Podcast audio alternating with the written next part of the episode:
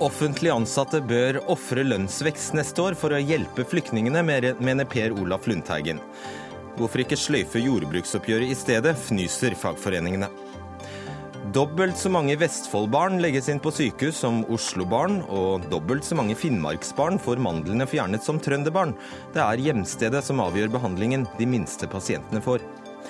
Og gjett hvilket selskap som sier de engasjerer seg i prosjekter som kommer alle til nytte. Jo, det gjør Coop, som beskyldes for å satse på et prosjekt som bare kommer Petter Northug til nytte.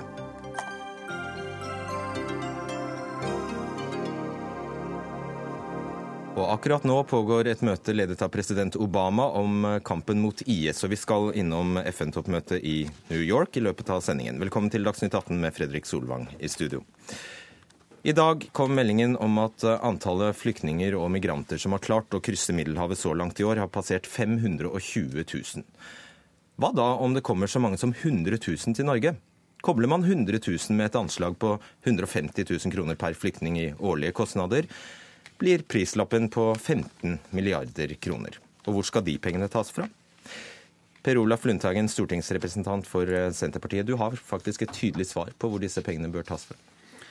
Vel, altså, Jeg har vært på Lesvos, den øya som tar imot når jeg var der, ca. 5000 flyktninger per dag. Som er i en ganske vanskelig situasjon og må bare sende flyktningene videre til eh, Aten. Og så går ferden opp gjennom Europa.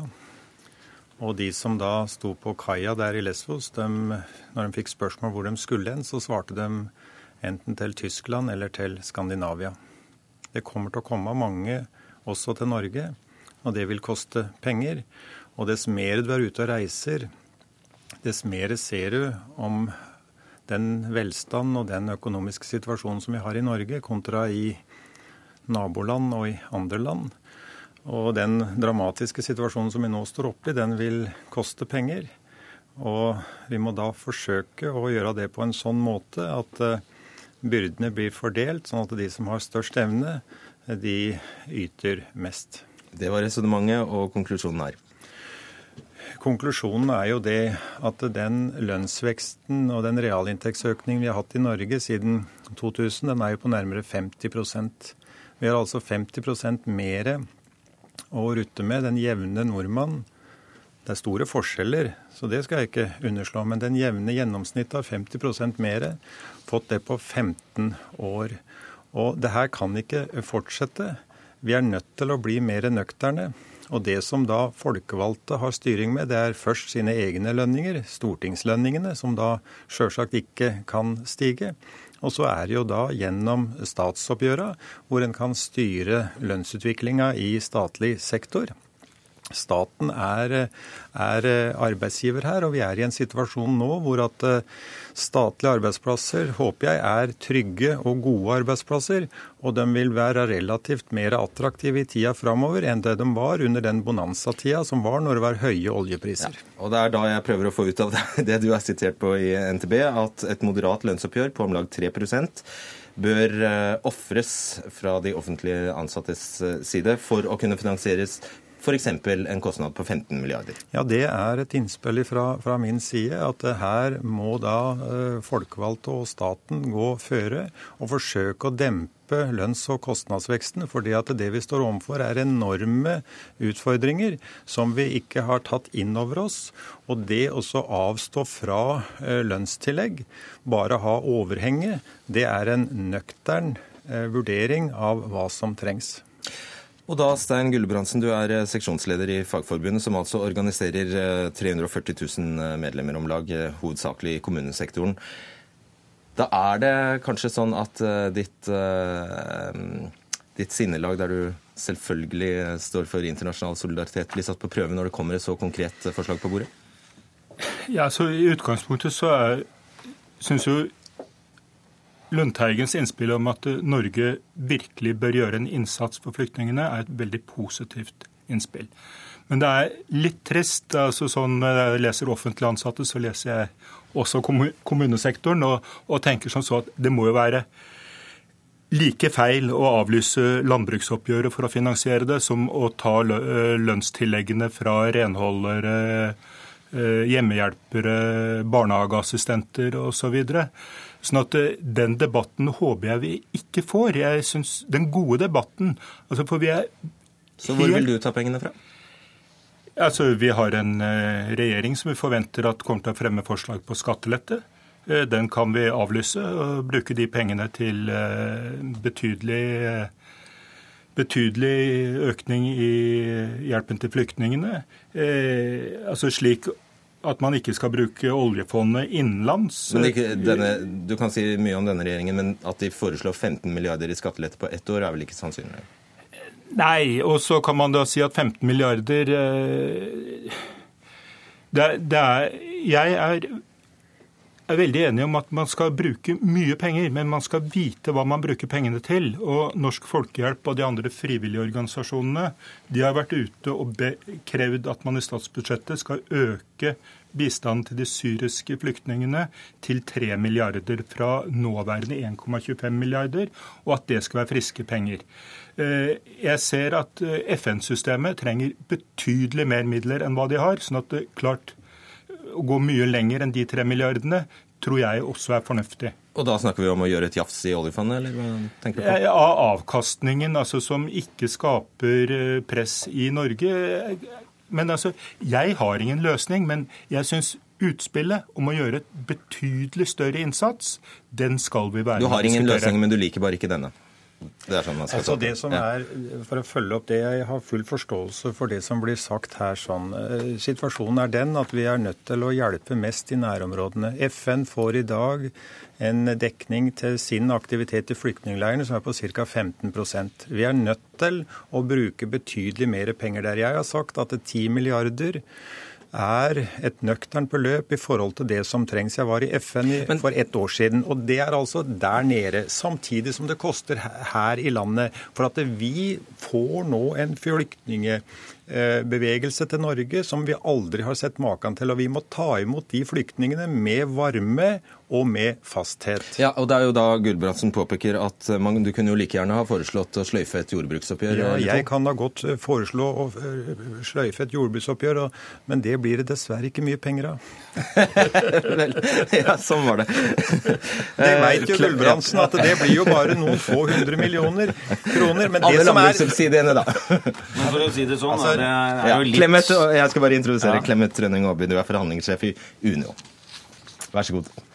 Det er litt trist, syns jeg, at uh, dette forslaget kommer. Altså, alle føler jo uh, ansvar og har medfølelse med de folka som er berørt i den situasjonen som er der. Men Stortinget skal nå diskutere et statsbudsjett uh, regjeringen kommer til å legge fram. Og de er valgt til den jobben om å finne de penga som er nødvendig, enten utaskjærs eller her hjemme, eller begge deler. Eh, og det må de bare gjøre. Det er et politisk ansvar som Lundteigen, og da må man komme med noe annet enn lettvintheter, mener jeg altså. Dette er, det er veldig konkret? At, eh, ja, det er veldig konkret. Men det er altså de folka som han ramser opp som ikke skal ha lønnsvekst neste år, som står midt oppe til i dag. Det er helsepersonell. Det vil er grupper si. Nei, det er ikke alle som jobber i politiet. Det er ikke alle som jobber i helsevesenet, som er sykepleiere, som jobber i internasjonale organisasjoner og er der nede, eller som er på Sea Pilot nede i Middelhavet og tar opp båtflyktninger hele tida. Det er politifolk. Og det er folk som er i eh, arbeid. og Man må huske på at det er de folka som eh, Lundteigen vil ta fra lønnsoppgjøret neste år. Men Rønning Kommer det til et punkt noen gang at dere holder opp og ufortrødent krever 3-4-5% i årlig lønnspåslag i en verden med så mye nød og elendighet? Ja, så Jeg er overrasket over at, eh, over at ikke Lundteigen har tatt inn finansnæringen og andre som virkelig har melka denne fløten i alle år. Når man først, altså Da har du skatt f.eks. som et meget egnet virkemiddel i en stor diskusjon, sånn at alle, ikke bare offentlig ansatte og ikke bare de kvinnedominerte helse-, omsorgs- og utdanningsgruppene som blir tatt. Sjølsagt så er det ikke noen spesielle eh, grupper som bare skal tas. Her er jo en helhet. Men det som er Stortinget og enhver stortingsrepresentant ansvar, det er å lage et budsjett for neste år. Og som en del av budsjettet neste år så inngår da eh, betaling for det arbeidet som blir gjort av, av, folk i Norge som er i statlige stillinger. Og det Tror ikke er, det ville føles litt urettferdig? Jo, alt vil føles urettferdig hvis en ikke har et, et rettferdighetsperspektiv på hele, hele, saken. Altså, Her er det et faktum at dette vil koste mye penger. Vi er nødt til å ta den kostnaden, fordi vi har ikke noe valg. Vi er nødt til å hjelpe de som kommer hit, og vi er nødt til å hjelpe der nede. Og så er det spørsmål om vi bare skal si at dette skal tas over oljefondet, eller om at vi skal roe oss litt sjøl. Mm. Altså, jeg tror fagforeningene gjør lurt i å se litt utover grensene og se det at det, hvis vi roer oss litt nå, så er antagelig det klokt, fordi at vi er i en så annerledes økonomisk situasjon at det andre ser med lengsel til Norge, og det kan ikke fortsette i stadig større grad. Gulbrandsen, selv om dine medlemmer er lavtlønte, så er de jo tusenvis av ganger rikere enn det vi snakker om her. Ja, nei, altså, Det er en selvfølge. Og vi vil jo ikke avvise å være med på en type dugnad. Men altså, slik forslaget ble presentert, sånn avlys lønnsoppgjøret, så er selvfølgelig vår reaksjon I offentlig sektor, I offentlig sektor bare. Eh, så er det der vi har de store lavtlønnsgruppene. Eh, som Det er på en måte å ødelegge debatten. Eh, vi er nødt for å kjøre den debatten. Vi er enige om at det, dette er en situasjon som krever en helt ekstraordinær innsats. Betydelig mer penger enn hva det har vært. Og jeg tror Lundteigen har helt rett i betydelig mer penger enn hva de frivillige organisasjonene har krevd. Men altså, da må vi gå etter de store pengene først og fremst, og så kan vi diskutere og, og ha et moderat oppgjør eh, som en del av en slik pakke. Og da snakker vi rundt 3% er det som har pleid å være normen? Ja, det vet vi jo ikke. da. Det var jo 2,7 i år. og Hvordan det blir neste år, vet vi ikke. Men, men hvor skal du finne de store øker. pengene her? Men eh, ja, de store pengene altså Statsbudsjettet er store penger. Og det er eh, skatte, altså Hvis man skal ha skattelette istedenfor skatteøkning for å finansiere et hjelpe, en dugnad, eh, sånn at Norge kan være solidarisk med resten av verden som står på kanten av en flyktningkatastrofe, selvfølgelig så er situasjonen det at da må du prioritere annerledes. Man Må kanskje avstå fra de skattelettene da en stund for å godta at landet bidrar både på kort og lengre sikt. Både der nede og her hjemme. Altså det er klart at Mottaksapparatet her må jo struktureres og organiseres på en måte sånn at det har eh, robusthet for den eh, mengden som nå kommer. Er, vi er langt unna det. Men det må altså politikerne manne seg opp til å ta i statsbudsjettet. To ord til slutt. Her er det spørsmål om å skaffe nye penger, så her må en da i tilfelle øke skattene. Det er sjølsagt et alternativ. Og en må se på finansnæringa, en ser på næring etter næring, hva en kan endre for å bidra for å finansiere de her store penga. Det er snakk om altså et flere titalls milliarder som vi står overfor. Dette er alvor, og da må alle yte. Takk skal du ha. Per Olaf Lundteigen, Stein Gulbrandsen og Clemet Rønning Aaby. Dagsnytt 18 alle hverdager kl 18.00 på NRK P2 og NRK2. Fravær av rutiner, svikt i rutiner og varierende grad av velvilje fra politiets side. Ja, Slik forklarer Antirasistisk Senter politiets utlendingsenhets håndtering av nyankomne flyktninger til Norge. Og Rune Berglund Steen, leder av Antirasistisk Senter, i dag skriver du i en kronikk i Dagbladet at politiets system ikke fungerer, og at dette bør oppgave, ikke bør være en oppgave for politiet. Hvorfor det? Altså I Sverige så er det Migrasjonsverket som tar imot, altså tilsvarende Utlendingsdirektoratet. Da møter de opp på sentrale transportpunkter og transporterer folk rett til et mottak. Gir dem mat, gir, dem eh, omsorg, gir dem varme, og så registrerer de dem etterpå. Eh, det, hos, hos, eh, oss er det politiet som tar imot, og fokuset er ikke på langt der så mye på omsorg som det er på, på kontroll. Og, altså, man kan gå tilbake og lese Sintef-rapporter fra 2005, og de omtaler det samme da som, som, vi kan se nå. Folk sitter og venter uten å få mat, eh, eh, timevis noen ganger. Opp, Opp, inn de siste årene har det vært vanlig at man har ventet et døgn uten å få særlig tilgang på mat. og sånt. Det er bare forferdelig vanskelig å forstå i en svært rik hovedstad hvor du kan kjøpe omtrent den maten du vil. men akkurat disse veldig sårbare menneskene får det ikke. Og det vi har sett de siste ukene, Uh, altså det er, det er, kalde mennesker som ikke får slippe inn i varmen. Det er sultne mennesker som ikke får mat. Det er syke mennesker som, som er avhengig av hjelp fra frivillige sykepleiere for å komme seg til legevakta. Og jeg vet at det er mange i PU som jobber hardt. Altså det, er, det er mange folk som, i PU som ønsker at dette her skal gå bedre. Men, men, men de har ikke vært på høyde med den situasjonen her. Uh, mm. Morten Hohjem Ervik, du er fungerende sjef i PU. Har dere kalde hender? Nei, jeg kjenner meg ikke igjen i den beskrivelsen. Eh, det er akkurat som det sies her nå, veldig mange hos oss som gjør en eh, veldig sterk og flott innsats for å ta unna den situasjonen vi står i. Jeg har lyst til å minne om en ting. Eh, da vi gikk inn i dette året, så lå det en prognose om at det skulle komme 11 000 asylsøkere. Slik det ser ut nå, så snakker vi om 23 000. Og de aller fleste vil lå under prognosen fram til sommeren, så snudde det. Og i løpet av høsten så har vi nå den ene rekorden etter den andre. Vi har lagt bak oss en uke med 1400 asylsøkere. Vi snakker om døgn opp mot 300. Det er det vi tidligere har hatt i en en travel uke. Det får vi nå opp mot eh, på et døgn. Så kan det da faktisk være noe i det Berglund Steen sier, at eh, det er fravær av rutiner, at det er svikt i rutiner og varierende grad av velvilje? Ja, men Vi har sagt en god stund nå, og vi jobber sammen med UDI, Politidirektoratet og Justisdepartementet for å finne en bedre ramme rundt dette enn det vi har i dag. For det bygget vi er i i dag, det, det er ikke bygd og det er ikke satt opp for å ta imot disse volumene som nå kommer. Det har vi vært åpne på og snakket om lenge. Men vi har jobbet tett med UDI. Det er jo de som har ansvaret for å forlegge disse. Og de som kommer nå, de melder seg hos oss. Og eh, de som kommer på natten, de blir da eh, brakt videre til et hotell eller eh, hos Røde Kors for overnatting. Så de bor ikke ute? Nei, altså det som skjer er at hvis det kommer en veldig stor gruppe, typisk 20-50 på natten, samtidig, så vil det av og til være sånn at vi vil da få kapasitetsproblemer. Vi gjør så godt vi kan, og da har det skjedd at eh, noen har blitt stående utenfor og vente. Det syns vi er veldig leit. Hvor lenge da? Det har variert. Men hvis vi snakker om et snitt her, så snakker vi ikke over om en time. Men vi, vi, finner eksempler på at noen har blitt liggende lengre, og det er vi de første til å beklage. Men vi har også lyst til å si vi har en viktig oppgave å gjøre. Det er samfunnssikkerheten som vi også er opptatt av, i tillegg til å ta imot asylsøkere på en verdig og god måte. For vi er også opptatt av det spørsmålet. Ja, Du mistenker dem vel ikke for å være opptatt, for å ikke være opptatt av det? Jeg mistenker dem nok for å ha mer fokus på, på kontrollbiten enn på omsorgsbiten. Det, det, må jeg nok si. Og det er en av grunnene til at jeg mener at, at de som bør inn her, er Utlendingsdirektoratet, som, som, tross alt har mye mer kompetanse på hvem disse menneskene er, og hva deres behov er. Og, og, og saken er at det er jo det er så ufattelig mye enklere, mye lett å gjøre dette bedre. Jeg, jeg, skjønner ikke helt hvordan dette her blir vanskelig. Altså, Det er ikke vanskelig å sørge for at det er noe mat som folk kan spise.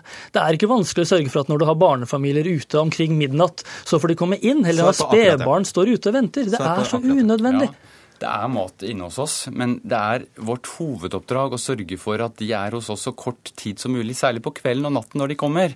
Da er det om for oss å få de på hotell, og det er om for oss å få de et sted hvor de både får overnatting og mat. Slik at det er ikke noe optimal situasjon å tilrettelegge for, for, et langt opphold på kvelden hos oss. Så jo raskere vi får de over på hotellene, jo raskere vi får det hos Røde Kors, jo bedre er det for alle parter. Ikke minst for de som kommer selv. Og bare avklare en sak for oss. Altså, dette, er, dette er snakk om de timene de altså, før de altså får komme inn til eh, mm. den første registreringen. Deretter blir de tatt hånd om eller, eller kjørt av gårde til Refstad, til det første mottaket av politiet, der UDI tar hånd om dem? Er det sånn? Ja, altså Etter politiregistreringen så fungerer systemet mye bedre. Men dette er på en måte første møte. Dette er når asylsøkerne er på sitt mest sårbare. Dette er når de er slitne, sultne, kalde. Dette er når de første gang kommer til, til et sted hvor de tror de kan slappe av etter å ha mista barn på veien. ikke sant? Dette har man opplevd. Og, og, folk som da bryter sammen i et møte med politiet som de opplever som, som ganske hardt, og hvor de bare opplever den omsorgen som, som altfor ofte fraværende. Så dette er, dette er helt klart en spesiell situasjon, men da må vi faktisk også ha noe, et litt mer spesielt apparat på plass. fordi det første møtet disse menneskene får med Norge, er ofte hardt. Og det til tross for at mange betjente gjør en, en, en iherdig innsats. Men, men, men, det er jo bare ikke på altså, Jeg går ikke med på at det er vanskelig å sørge for at kalde mennesker får lov til å komme inn, eller at kalde barn får komme inn, eller at det er vanskelig å sørge for at det er folk på jobb som fanger opp folk som er syke, og sender dem på en legevakt. Men igjen syns jeg er en beskrivelse som er veldig vanskelig å kjenne seg igjen i. Vi har bl.a. et samarbeid med Oslo kommune. Vi har sykepleiere nå inne hos oss som har skanningkompetanse. Dvs. Si at de raskt kan se de som har behov for øyeblikkelig hjelp. Vi har hatt Røde Kors inne over lengre tid for nettopp eh, for samme formål. Vi har samarbeida godt med Røde Kors både inne og utenfor eh, bygget. slik at jeg ser ikke noen grunn til å gjøre dette mer svartmål, svartmale situasjonen noe mer enn nei. Det har vært krevende for oss alle, men alle sammen har tatt i et tak. Og jeg mener at vi under de rådende omstendigheter har fått satt opp et opplegg som ivaretar asylsøkerne så godt det har latt seg gjøre. Altså, jeg har stått ute og forhandlet med dere når maten har vært 30 meter utenfor og flyktningene, nyankomne flyktninger har vært innenfor. Og det er vanskelig for politiet til å gå med på at maten og menneskene bør møte hverandre. Og da, altså, Ja, mye av dette har, har dere håndtert godt, men ærlig talt, det, det, er da jeg begynner å snakke om at jeg skjønner ikke helt at, om holdningen er helt på plass her, om velviljen er helt der. Når man ikke kan bringe mat 30 meter til sultne mennesker. Og, og Det er mye av dette her som, som, jeg opplever at vi ser fra dag til dag. og du, du kan jo ikke benekte at her har man trengt frivillig for å bringe åpenbart syke mennesker til legevakta. Jeg skjønner det er en vanskelig situasjon, men hvis dere hadde hatt bemanning, hadde hatt rutiner på plass Jeg skal være den første til å berømme de frivillige. har gjort en helt fantastisk innsats. Vi snakker ofte med dem, vi har god dialog med dem. Og det som er så veldig bra, er at de kan gjøre kan være det medmennesket. De kan være et godt møte med Norge sammen med oss i politiet, som har en jobb å gjøre. Så jeg syns vi sammen har fått til et, et, opplegg som ikke har vært så gærent. Og så jobber vi nå aktivt for å få noe som er enda mye bedre, sammen med UDI og helse, så skal vi rigge et mottakssystem som ivaretar asylsøkere på en enda bedre måte. Og jeg er sikker på at vi sammen med UDI der skal sørge for at også politiets rolle blir ivaretatt, helsevesenets rolle blir ivaretatt, og UDI tar godt vare på de som kommer. Det er altså bortvist mennesker som, som hjalp til å få kalde mennesker inn i varmen. Det er, det er, hva man har gjort med de frivillige. Jeg tror, jeg skulle ønske jeg kunne vært enig med beskrivelsen din, men jeg tror ikke det er mange frivillige som ville delt den. Og jeg skulle så ønske at, at dere hadde klart enda litt bedre å være det menneskelige ansiktet i møte med disse disse desperate menneskene når de kommer inn. Vi må sette strek der. Takk skal dere ha, Rune Berglund Steen og Morten Hohjem Ervik.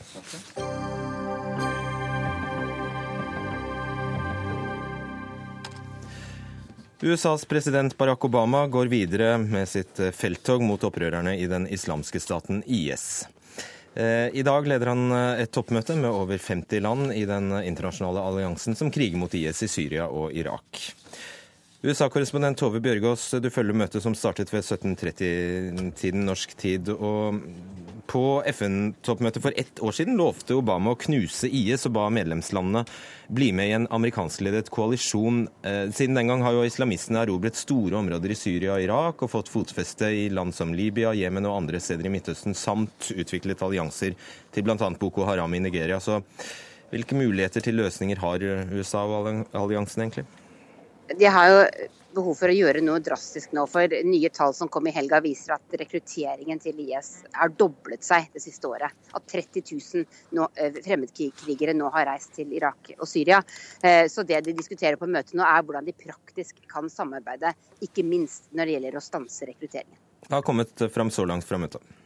Jeg snakket akkurat med statsminister Erna Solberg som kom ut, og hun sa at man må jobbe på to fronter. Man må jobbe eh, militært med å få slutt på konflikten og, og, og, kjempe mot IS på den måten. Men man må også jobbe på grasrota i Norge, i USA, i andre land, i Storbritannia, i Australia for å hindre at uh, unge menn og etter hvert også mange unge kvinner reiser og slutter seg til IS. og Det er derfor Norge deltar på dette toppmøtet i en sentral rolle. Fordi USA ønsker å lære av bl.a. en ungdomskonferanse som var i Oslo i november i fjor, uh, hvor, hvor, ungdom samlet seg for å diskutere hva de kan gjøre i sine lokalmiljøer. Men er det i det hele tatt noe spore til selvransakelse hos de landene som deltar her? Innser de at situasjonen ikke er spesielt god? Absolutt, og det hørte vi også fra FNs talerstol i går. Eh, Obama innrømmet jo at, eh, at, at, IS er blitt Selv om han sa at vi skal klare å slå IS, så sa han jo at de har vokst seg mye sterkere enn det man eh, ønsker. Og, og, og Putin langet jo ut mot både USA og Europa for å eh, ha latt IS vokse fram, og mener jo da at det bare er Assad-regimet som kan klare å bekjempe IS. Så dette er det absolutt dominerende temaet her, også fra talerstolen i, i hovedforsamlingen. Hva er det som skal komme ut av? Er det en ny strategi?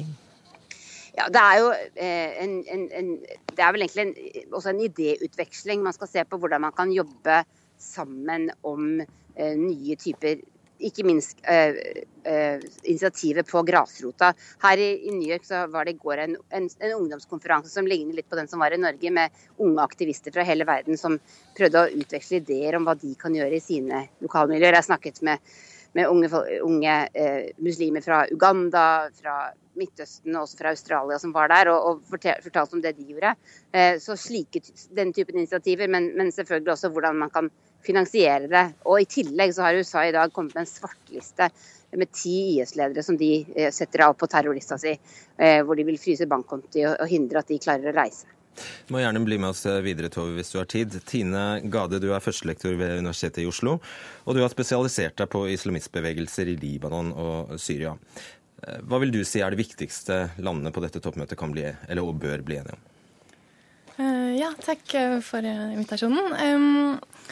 Ja, fra et um, kortsiktig perspektiv, så jeg vil jo snakke mest fra Syria, som er det jeg jobber med. Um, fra et kortsiktig perspektiv så kan man jo si at uh, det viktigste uh, de må bli enige om, USA og Russland, er um, i forhold til, uh, til, IS, kampen mot IS nettopp i Syria. så er det hvorvidt Assad eh, skal bli sittende eller eh, ikke. Men eh, på tross av det som har kommet ut i mediene de siste, de siste timene og i går, hvor USA er blitt beskrevet som at de langer ut mot Russland osv., så, videre, så er egentlig, som mange forskere har påpekt, Russland og USA ganske enige om det som de ønsker i Syria. De ønsker begge unngå kaos, de ønsker sekulært styre. Og de er også enige om at IS, kampen mot IS prioriteres fremfor kampen, mot regi, kampen om et regime skifte. Da. Ja, hva kan da mellomløsningen eh, være her? Hva, hvilken innrømmelse kan, tror du USA kan gi i så måte? Ja, Det som er interessant nå, eh, er jo å se at eh, Russland, som har, er, har vært rede til å sette styrke på bakken i Syria, nå kan kreve en del ting i Syria. Um, Obama har jo ikke vært rede til å, gå inn uh, i Syria, uh, eller til å opp, opprette flyforbudssoner, som opprørerne, opposisjonen, har, har krevd. Dette har bl.a. vært pga. Obamas velgere ikke har ønsket intervensjon i Midtøsten. Uh, også pga. det som skjedde i Libya, som ble fremstilt som meget mislykket. Og nå har også USAs strategi om, eller kamp mot IS i Syria feilet. De søkte å rekruttere 5400 moderate opprørere for å kjempe bare mot IS. Pentagon, et Pentagon-program. Eh, og de klarte kun å rekruttere 60 stykker, eh, hvorav eh, kun fire kjemper i dag. Så det er veldig tydelig at den ensidige kampen som Kampen mot IS ikke har noen særlig støttespillere i Syria. Så derfor så, så ville nok de aller fleste syriske opposisjonelle, i hvert fall, og mange innad i Syria, hevde at det er veldig negativt om kampen nå, skal, eller det som skjer i Syria, bare skal fokusere på IS nå, og, ikke, og, og glemme realitetene i den syriske konflikten. Ifølge uh, det syriske nettverket for menneskerettigheter så er 96,3% av de drepte sivile i Syria uh, drept av regimestyrker, og kun uh, 0,8% 1543 drept av IS. Uh, så det er viktig da med et langsiktig perspektiv, hvor man vinner oppslutning i befolkningen, og ikke bare kjemper eh, mot IS. Har du noe å supplere her, Bjørgaas?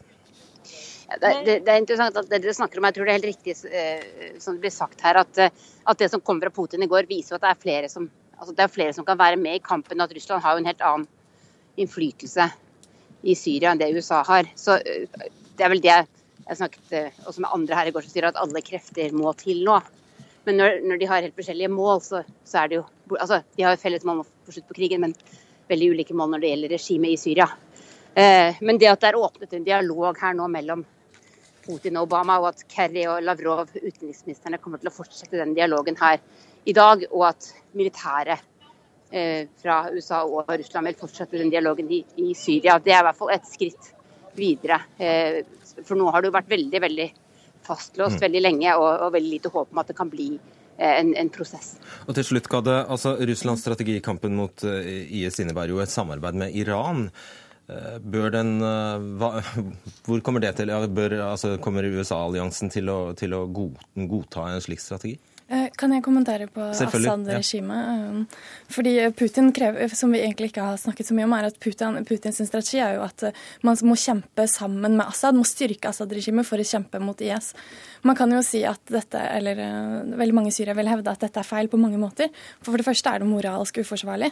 Ville vi i Norge godta en statsminister, eller kun en minister, som hadde over 250 000 liv på samvittigheten? For det andre er det um, realpolitisk klokt? Er det um, pragmatisk? Uh, gitt at uh, Syrias 100 000 opprørere har sagt de vil kjempe til siste slutt. Um, og Russlands definisjon av terrorisme er jo langt videre enn det EU og USA, eller i hvert fall EU, har hatt. da, Hvor de inkluderer store deler av, av opprørerne. Hvor de da ønsker å støtte opp mot Assads kamp mot opprørerne i Syria. Så det er en real floke? Det er en real floke, men den er ikke så, absolutt ikke så vanskelig. Ofte så sier man at uh, situasjonen i Syria er så vanskelig at vi kan ikke løse den. Og Assad er eneste uh, som kan sitte igjen uh, og kjempe mot Assad. Men jeg mener at dette er, er, meget feil. Og det er viktig at vi ser situasjonen på bakken og ser hvem som, hvem som da dreper flest, flest liv, og at vi søker en langsiktig løsning som ikke bare fokuserer på Eh, på å kjempe mot IS, når vi ser at eh, IS og Assad-regimet eh, egentlig støtter opp om hverandre. Så lenge Assad-regimet blir sittende, så vil vi, ha, en situasjon med mer og mer kaos, hvor IS kan trives.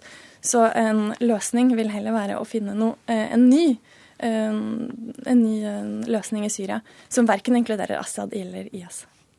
Takk skal du ha, Tine Gade, og takk også til deg, Tove Bjørgaas i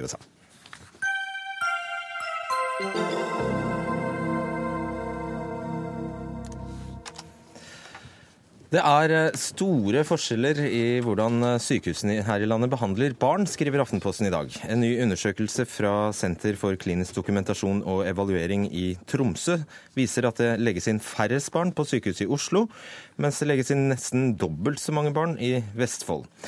Og Atle Moen, du er overlege ved Oslo universitetssykehus og forfatter av rapporten Barnehelseatlas, som disse tallene da kommer fra. Hvorfor er det slik? Nei, Det er et interessant spørsmål som ikke sånn uten videre er enkelt å svare på. Um, hvis man ser på hvordan uh, disse innleggelsestallene fordeler seg rundt omkring i landet, så er det veldig vanskelig å forklare det både med avstand til sykehus og sannsynligvis også med andre bakenforliggende faktorer. Og eh, Vi vet også at det er liten forskjell i sykelighet eh, mellom barn i ulike deler av landet. Så Eh, når man står igjen med det, så ser man en ganske stor variasjon i, i forbruk av helsetjenester som man kan kalle for uberettiget eller uønsket, fordi det finnes ikke noen, noen uh, rasjonell forklaring på hvorfor det er sånn. Det er ikke umiddelbart fornuftig at det skal uh, fjernes dobbelt så mange mandler hos barn i Finnmark som ellers i landet? Nei, det kan Nei. til og med hende at det er uønsket at det gjøres. Mm -hmm. Bent Høie, du er helseminister for eh, Høyre. Er du bekymret over dette? Først er jeg veldig glad for at vi har fått rapporten. Eh, fordi eh, jeg har jo et ønske om å få fram mer av denne type informasjon. Fordi det gir oss et grunnlag for å diskutere nettopp det spørsmålet du stiller opp. Stiller også. Hva er årsaken til dette? Og i noen tilfeller så vil en gjerne komme fram til at her er det noen som faktisk får mer helsehjelp enn det en har godt av. Ja. Og, så hva skal du gjøre? Nei, det, det, som da skjer, det er f.eks. når vi fikk den første helseatlasrapporten i januar som eh, omhandla dagkirurgi, så så en at det var veldig mange i Finnmark som fikk skulderoperasjoner.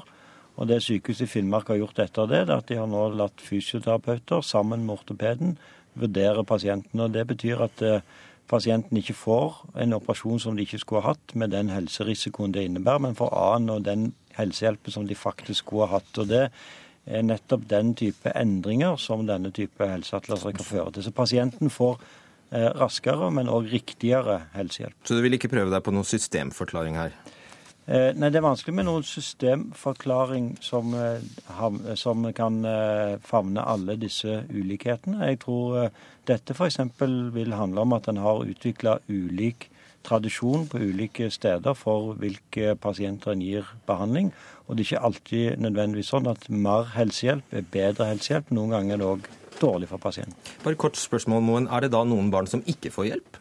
Ja, vi tror det. Eh, I dette materialet har det faktisk vært vanskelig å, å skille det ut, fordi volumet er så kolossalt stort. Vi snakker om at det eh, avvikles 2,65 millioner legekonsultasjoner til en barnepopulasjon på 1 million eh, barn hvert år.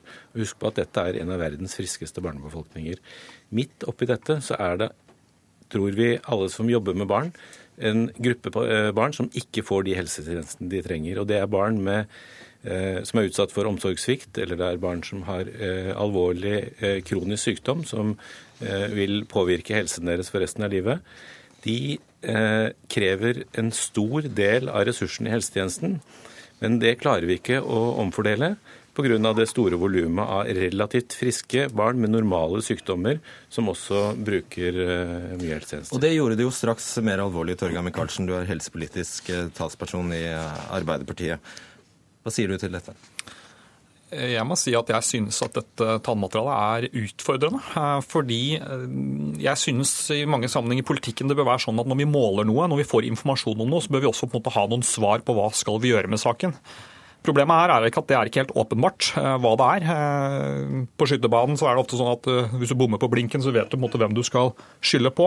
Her er det ikke gitt hva svaret er. Nå har jeg opplevd det òg, at Torgeir Micaelsen ikke har svar. Jeg, jeg, er enig i det, men det kan ikke være slik at det er noe poeng at vi skal måle noe som jeg hører nå Høie prøver å ta æren av at dette atlaset har kommet. Dette ble selvfølgelig igangsatt da vi satt i regjering, men la nå det ligge.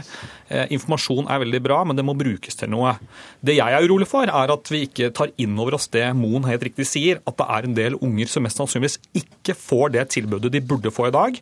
Og Da er det, er det, grunn til å stille spørsmål til helseadministrasjonen, til sykehusledelsene, men også til de som er klinikere i hverdagen, til å ha denne refleksjonen over hvorfor er det slik på mitt sykehus at jeg behandler langt flere som ikke får behandling, f.eks. et annet sted. Ok, Høie, du er i den situasjonen at opposisjonen ikke har svar. Har du? Nei, men altså, Jeg mener at svaret ligger i å få flere av denne type helseatlas, og ikke minst eh, da gjør det som faktisk blir en konsekvens av dette, nemlig at de fagfolkene som sitter med disse vurderingene hver enkelt dag, faktisk tar denne diskusjonen. Derfor er det så flott at dette helseatlaset er initiert av eh, Barnelegeforeningen sjøl. Eh, det er de som har ønska seg det, fordi de har ønsket denne kunnskapen. og Det er òg de beste forutsetningene til at det får en konsekvens. Det andre er at... Jeg vil bare spørre deg, ja. Hvorfor ikke da innføre noe sånt som best practice eller noe sånt? Nå? Ja, Det har vi jo på dette området. Dette er bane, innenfor banemedisin et av de områdene der vi har veldig mye gode retningslinjer. Eh, der vi òg har god grunn til å tro at retningslinjene eh, er der kunnskap om. Eh, men allikevel så har vi variasjoner. Det betyr at vi kan ikke bare basere oss på ovenfra-ned-styring. Vi er òg nødt til å ha kunnskap om eh, hvordan helsetjenesten vår faktisk blir brukt, og bruke den kunnskapen i diskusjonen i fagmiljøene. Og Det fører ofte til større endringer enn eh, at Torgeir Micaelsen og meg finner på å lure ting i Stortinget. Moen, utover det at det er noen barn som da forfordeles, er det et problem at det er så store geografiske forskjeller? Er et problem hvis disse geografiske forskjellene også innebærer at barn f.eks. innlegges i sykehus uten at det egentlig er nødvendig. Det å bli innlagt i sykehus er en risiko i seg selv. Du kan godt innlegges i sykehus uten å ha noe som helst effekt av det du inn, eh, behandling eh, som du legges inn for. Men vi vet alle at så mye som 20 av alle pasienter innlagt i sykehus opplever en eller annen form for uheldig hendelse eller bivirkning under innleggelsen. Slik at hvis man, eh, legger, hvis man, legger, inn for mange pasienter, eller hvis man behandler for mange pasienter uten at de har en helseeffekt, så vil eh, resultatet for gruppen som helhet faktisk bli dårligere, fordi man får med seg alle bivirkningene av behandlingen uten å få med seg effekten av det. Eh, hvis jeg kan få si én ting ja. til. Det er riktig som Høie sier, at dette er ikke et administrativt diktat ovenfra, dette atlaset. Det er kommet som et initiativ fra Norsk barnelegeforening og alle avdelingsoverlegene i Barnelegeforeningen. Og Hvis du spør hva skal vi gjøre med dette, så ligger, har ballen hele tiden ligget hos fagmiljøet. Det er fagmiljøet som har ønsket å få en kartlegging av dette her, og som selv har tatt initiativet til det. Og Barnelegeforeningen står 100% bak dette atlaset og er forberedt på å starte arbeidet med å identifisere årsaker og tiltak som kan eh, faktisk gjøre noe med denne variasjonen. Men så er det vel politikerne som til syvende og sist bestemmer? Jo, men det, dette syns jeg er veldig bra ikke sant? og veldig bra å høre, og at man er så tydelig på det. fordi eh, Vi har vært i dette studioet har mange ganger diskutert er det slik at det er legen som alltid vet best. Eh, jo, men klinisk skjønn, det å være fagperson, ekspert, istedenfor at jeg som politiker skal drive med et eller annet. Dette viser vel at det faglige skjønnet gjør at forskjellene blir jeg vil kalle det uakseptabelt store. Og da er det grunn til å prøve å gjøre noe med det. Det beste som kan skje da, er at dette skjer på, eh, ja, blant de fagfolkene som tross alt står for dette skjønnet. Eh, det blir en spennende diskusjon, og så får jeg Høie krangle om alt annet. Og da, Høie, da er det vel kanskje ikke verdens beste idé å innføre fritt behandlingsvalg, som eh, noen hevder vil påføre, påføre oss enda mer overbehandling? Nei, det er jo, Jeg mener jo at fritt behandlingsvalg ikke har noe med dette å gjøre. fordi Det som jo er, det er også veldig interessant, det er at det, er det som har vært den tradisjonelle tilnærming til denne diskusjonen om variasjon, det er snakk om overbehandling og offentlig-privat. De rapport, to rapportene som vi nå har fått om variasjon, de handler jo om tilbudet som gis i all hovedsak av det offentlige helsetjenesten. Ikke når det gjelder astmaspesialistene, f.eks.? Nei, men hvis du ser på barnesykdommer i all hovedsak en tilbud som gis eh, av det offentlige. Og variasjonen er jo størst i det offentlige. Så hvis en her ønsker å ha en politisk ideologisk debatt offentlig-privat, eh, Gjerne for meg, men det er en avsporing av denne diskusjonen. og Det betyr at da tar en ikke dette problemet på alvor. For, den største variasjonene finnes internt i den offentlige helsetjenesten. Ja, jeg skal ikke få dere inn på den. Men eh, Jeg er enig i det, Høie, men du kan ikke snakke deg bort fra at hvis du har et fagfelt da, hvor det allerede i dag er uklart, i hvert fall faglig sett, og stor grad basert på skjønn, hvilke type avgjørelser som tas av en lege. Hvis du da i tillegg får inn et lønnsomhetselement, som du får hvis du da etablerer på en måte private praksiser som i tillegg skal operere på siden av dette, så vil det forsterke problemet og ikke gjøre noe med hovedproblemet. Det er derfor fritt behandlingsvalg ikke vil operere på siden av det, men det vil være de samme legene som bestemmer hvilke pasienter som skal ha rett til behandling. Ja, det er ikke tok vi den allikevel. Ja, Takk skal dere ha, Torgeir Micaelsen, Atle Moen og Bent Høie. Hør Dagsnytt 18 når du vil. Radio NRK Radio.nrk.no.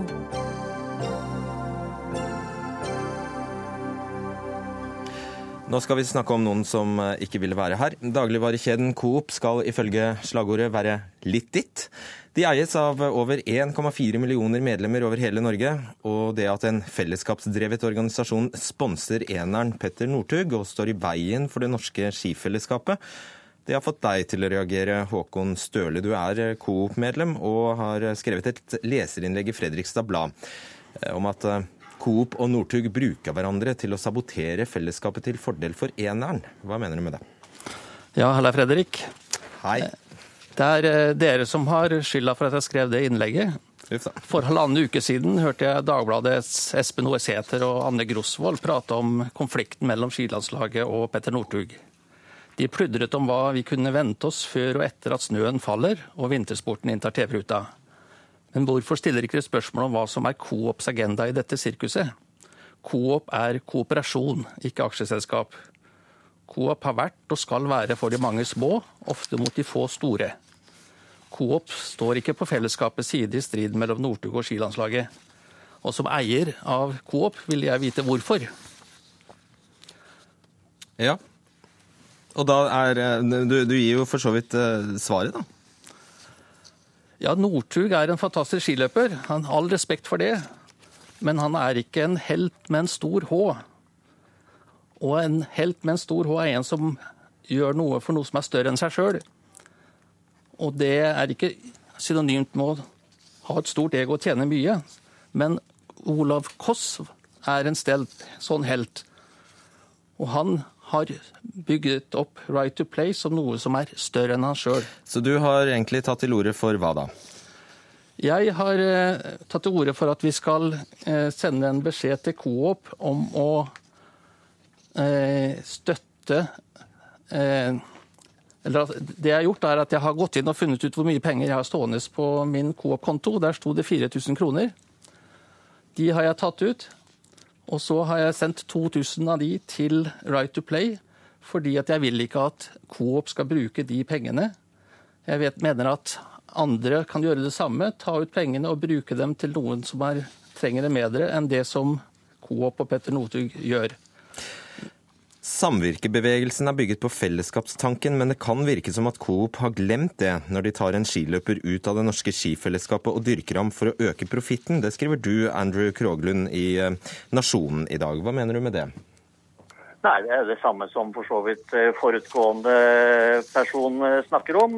Coop er jo tufta på en fellesskapsmodell og har jo vært ledende når det gjelder å få frem dette med samfunnsansvar for bedrifter i Norge innenfor dagligvarebransjen. Og når de da går inn og sponser et objekt som Petter Northug, som da har lagt seg ut med Skiforbundet, eh, og Skiforbundet også på en måte er en sånn fellesskapssak, så er det noe som ikke rimer. Da sender Coop ut veldig ulike signal. Altså På én side er de gode på dette med bærekraft og samfunnsansvar, og samtidig så dyrker de frem eneren på bekostning av fellesskapet. Og Da har de gjort en dårlig jobb. Ja, men jeg kan fortelle deg hva Coop selv sier de vil med dette. Team Coop Ja. er Coops nye flaggskip innen sponsing og skal engasjere både Coop-medlemmer og ansatte. Peter Northug jr. fronter Team Coop, og satsingen skal styrke Coops innsats for sunnhet og helse innen dagligvare, faghandel og internt. Ja, det høres laudabelt ut, øh, men da tror jeg de med, med større øh, skal vi si, hell hadde kunnet sponse andre øh, gode idrettsutøvere som ikke legger seg ut med eget forbund. Eh, Fordi det ville være mer i pakt med det gode verdigrunnlaget de ellers legger til grunn for all samfunnskontakt som de har. Bare minn oss kort om hva denne historikken med, eller hva, hvilken situasjon man nå står i eh, med Skiforbundet. Nei, altså det er jo en uavklart situasjon der fortsatt. Skal Northug uh, bære Norges uh, trøye når det er de store mesterskapene? Hvilke mesterskap skal han være med på? Hvor mye skal han få lov til å holde på på egen hånd? Det er jo der uh, saken ligger. og de, de finner sikkert ut av det. Men jeg tror at for Coop sin del så har de forregna seg her. Jeg tror at mange medlemmer er ganske opprørt, sånn som førstemann vi hørte her i sted. Ja, vær så god. Vi hørte her om omdømme, og her i Fredrikstad så heter det at eh, vi sparker den til den som ligger nede. Coop de sparka ikke Northug da han var på bånn. Det gjorde vi menn, og det gjorde Audi.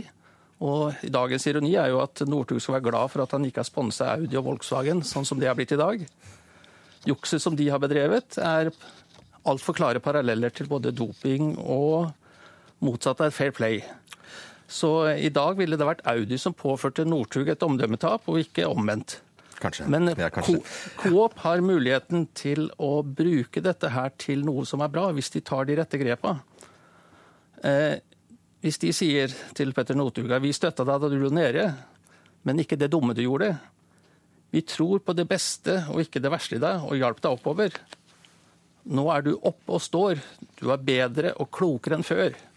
Du er velkommen inn på landslaget, og så hjelper han inn der. Da har Coop redd snudd skuta. Ja, men da må han kvitte seg med Coop. Mette Fossum Beyer, du er eh, kommunikasjonsdirektør i Rema. Kunne dere inngått en eh, sånn sponsoravtale som Coop har gjort med Northug? Altså, Vi har en helt annen sponsorstruktur enn en Coop her. Vi har en grunnplanke, og det er alle våre 545 kjøpmenn over hele landet som sponser barneidrett, breddeidrett, kultur og masse aktiviteter over hele landet, først og fremst. Og så har vi på når det gjelder det nasjonale og det sentrale, de sentrale sponsoratene våre, så er det først og fremst lagidrett vi går inn for. Og er det bevisst? Jo, det er bevisst, fordi vi er opptatt av å spille på lag og bruke sponsoratene våre inn i vår kjernevirksomhet, som er butikk. Så det som foregår i butikk og utenfor butikk er viktig når vi jobber med den type sponsorater. Coop går jo ikke av veien for å bruke nettopp, eh, nettopp eh, modellen sin i markedsføringen de, de, eh, på nettsidene kan vi lese. Som en stor samfunnsaktør og leverandør av varer og tjenester kan Coop påvirke alt fra produksjon til markedsføring. Vi har derfor et ansvar for å gjøre vårt for å påvirke samfunnsutviklingen i riktig retning. Har dere tenkt i Rema at det er hva skal jeg si, en slags diskrepanse mellom det Coop hevder å være og det de faktisk gjør?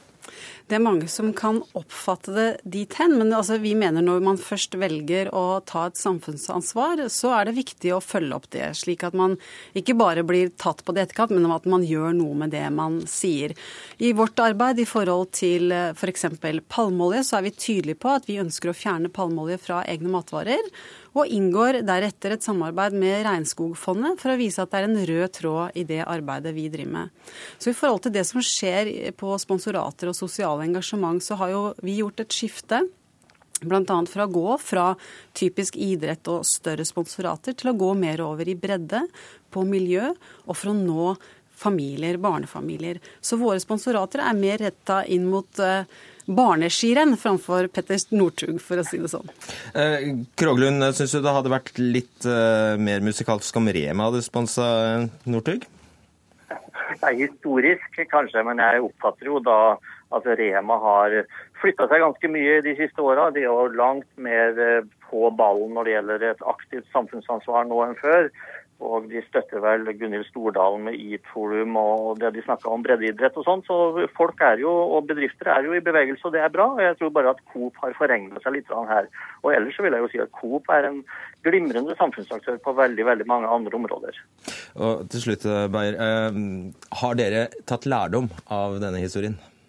Jeg tror det er mange som kan ta lærdom av ulike historier. og Det er veldig vanskelig å si hvordan et sponsorat vil utvikle seg når man inngår den type avtaler.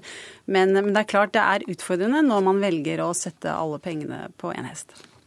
Takk skal dere ha, Mette Fossum Beyer, Håkon Støle og Andrew P. Kroglund.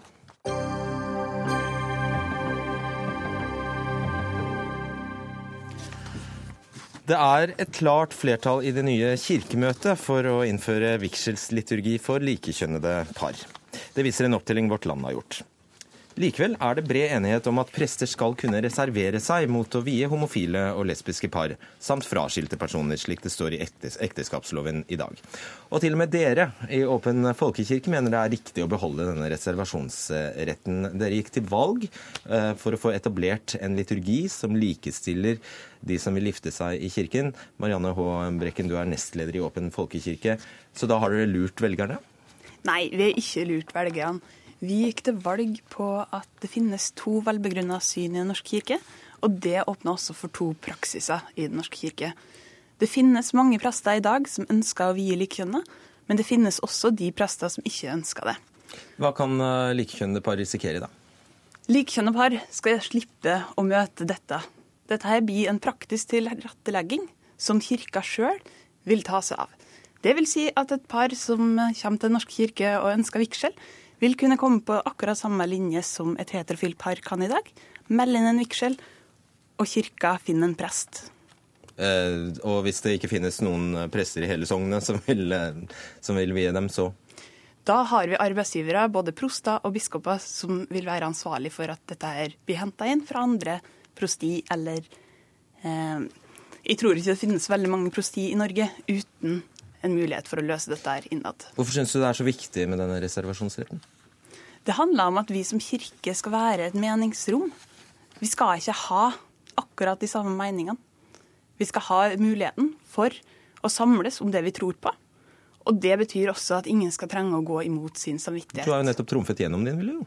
Jeg har ikke trumfa gjennom min vilje. Eh, vi har eh, hatt et valg i Den norske kirke hvor medlemmene har stemt oss fram. Men jeg har også stemt fram ei kirke hvor det skal være høyt, tak, høyt under taket, og eh, hvor alle skal være velkommen. Det betyr også de som ikke er helt enig med meg. Men først og fremst så er vi veldig glad for at eh, Den norske kirke nå ser ut for å åpne opp for at alle skal få lov til å feire sin eh, kjærlighet i kirka. Byråd for miljø og samferdsel i Oslo og sentralstyremedlem i Venstre, det første enn så lenge. Guri Melby, i Vårt Land sier du i dag at reservasjonsretten er en spiker i kista for vigselsretten, og at ansvaret for vigsel bør overføres fra trossamfunn til det offentlige. Hvorfor det? Eh, for Venstre så er det viktig å sikre at alle har den samme muligheten å gifte seg, enten du ønsker å gifte deg med noen av samme kjønn eller av motsatt kjønn. Samtidig er vi også opptatt av trosfriheten. Jeg er jo veldig glad for at Åpen folkekirke gjorde et godt valg og sikre at det blir sannsynligvis innført en eh, liturgi som ikke diskriminerer. Men jeg mener at denne saken viser nettopp at det er vanskelig å forene trosfrihet og en ikke-diskriminerende praksis av ekteskapslovgivninga. Sånn som det er i dag, så er jo det å inngå ekteskap er jo egentlig en sånn offentligrettslig avtale som det offentlige har delegert til trossamfunnene, deriblant Den norske kirke. Eh, og så har vi sagt at For at de skal kunne beholde sin trosfrihet, så skal det finnes en sånn unntak eh, for dem som da ikke ønsker å vie folk etter det som ekteskapsloven sier. Eh, og jeg mener at den saken her viser veldig godt hvorfor vi bør skille tydelig det juridiske og det religiøse i en ekteskapsinngåelse. Det viser jo det stikk motsatte, sier, sier Brekken Nei, men her. Staten skal sikre en ikke-diskriminerende praksis. Vi skal sikre at alle får den samme muligheten til å gifte gifte seg. Derfor så bør det å inngå ekteskap være noe som eh, utøves av det offentlige. Og så kan du selvsagt dra til kirka eller til et annet trossamfunn og få, få gjennomført en seremoni eller noe annet i tilknytning til det. Dette er helt vanlig praksis i svært mange land, og nå er det på høy tid at Norge kommer etter. Så det spiller ingen, ingen rolle for deg at, eh, at, det forsikres her at det får ingen praktisk betydning? Vet du, Jeg synes det er veldig bra at det sannsynligvis blir da flere i den norske, at det blir mulighet i Den norske kirke eh, for å gjennomføre seremonier også for folk som vil gifte seg med samme kjønn, men det er viktig at det offentlige sikrer at det ikke foregår diskriminering. Så det er prinsippet det handler om. Ja. Olaug Bollestad, du er stortingsrepresentant og andre nestleder i eh, KrF. Og nå, det er nå du skal si til Venstre at hun er svært lite liberal, er det sånn? Nei. Eh, for KrF så har det vært et prinsipp at Kirka skal få styre seg selv. For KrF så har vi kjempa for reservasjonsmuligheten i mange andre saker òg, fordi vi mener at i et liberalt samfunn så skal det være plass for mindretallsmeninger. Til og med meninger som jeg er uenig i. Og så mener jeg til Venstre at denne saken her, den handler ikke nå om vigselsretten. Den handler om reservasjon. Så skal jeg gjerne være med og ta en debatt om vigselsrett, men å bruke saken nå, hvor det har vært en diskusjon internt i Kirka som er brekkstang til å faktisk eh, ta vigselsretten ifra menigheter, så handler det om mange flere enn Den norske kirka, som da blir fratalt vigselsretten. Og da tenker KrF at det, eh, vi er glad for at Kirka sjøl er i stand til faktisk å håndtere det de sjøl har stemt over. Den friheten i Kirka er vi opptatt av skal være der. Og det har valget nå vist, at de har hatt en intern prosess i det. Og Derfor har vi holdt oss utenfor. Fordi det ligger i et liberalt demokrati. Eh, det er jo et poeng. De har ja. selvstyre, og da skal ikke du som politiker legge deg opp i det? Nei, og jeg kunne ikke vært mer enig i akkurat det. Og det er jo nettopp fordi at jeg er opptatt av kirkas rett eh, til å mene det de vil til å kunne utføre de typer liturgiene og de seremoniene de vil, som gjør at jeg mener at det her bør skilles. For dersom vi skiller det, og det offentlige tar seg av den juridiske delen av ekteskapsinngåelse, så kan jo kirka få lov til å gjennomføre akkurat de ritualene de vil eh, for de ektefolkene som de ønsker. Så det her handler jo nettopp om å sikre trosfriheten og ikke ta ifra trosfrihet. Men, men, det oppleves nå som at det på en måte er en straff for at noen mener noe annet. Så bruker han det som ei brekkstang. Da syns jeg at det hadde vært ryddigere at vi tok den debatten om vigselsrett i en annen sak. For dette har nå vært en annen prosess, og det er spørsmål om det skal være plass for å mene noe annet. Og Hvis det ikke er det, så skal vi frata en rettighet som allerede ligger i loven i dag. Det er det som jeg syns er det store problemet med Venstre sitt forslag. Men altså Stålsett-utvalget løfta denne eh, debatten allerede i 2013. Da la vi fram vår innstilling, og det var et stort flertall der som sa at vi ønska å skille eh, det juridiske og det religiøse, og ønska at det offentlige skulle stå for ekteskapsinngåelse. Etter, etter det så har jo ikke debatten gått. Nei, det har ikke skjedd noen ting, så jeg mener jo at enhver mulighet til å løfte den debatten Hvis vi er et liberalt, prinsipielt parti, så må vi faktisk gripe den muligheten. Og er opptatt av ikke-diskriminering og trosfrihet. Brekken, det, kan, kan, man komme i den situasjonen at så mange prester reserverer seg at uh, dette blir et problem? Nei, det tror jeg ikke. Nå har vi ikke gjort noen kartlegging av hva dette vil si.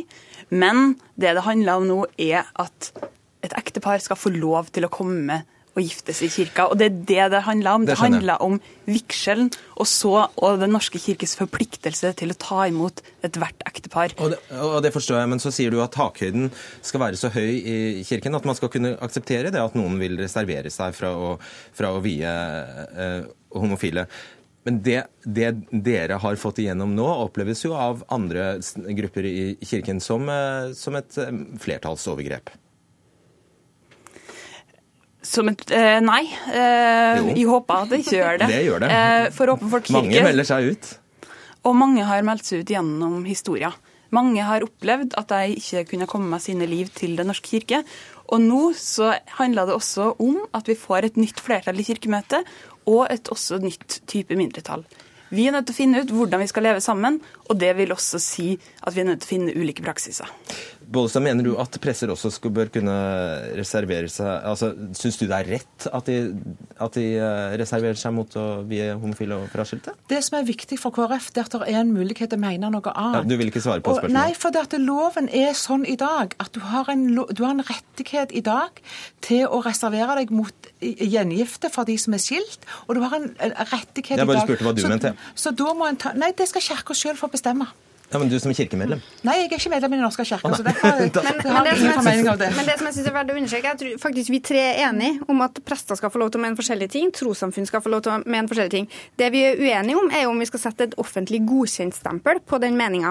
Og jeg mener ikke at det offentlige kan godkjenne at enkeltpersoner sier nei til å vie noen fordi at de er lesbiske eller homofile. Det syns jeg ikke vi som, som, moderne samfunn kan stå for, og det mener jeg heller ikke at den nye ekteskapsloven eh, bør gi rom for. Derfor så ønsker jeg å skille det juridiske, slik at Da får trossamfunnene gjøre det de vil, og så får det offentlige stå for en ikke-diskriminerende praksis. 10 sekunder. Og Det er et helt fint prinsipp, men det er også veldig unødvendig og synd at denne her debatten nå kommer midt i en feiring av det at vi nå kan ønske alle velkommen til å gifte seg i kirka. Men vi er glad for dere tok den. Takk skal dere ha, Guri Melbu, Olaug Bollestad og Marianne Brekken. Denne sendingen er eh, over. Ansvarlig for den var Ida Tune Øretsland. Teknisk ansvarlig Frode Thorshaug. Og i studio Fredrik Solvang.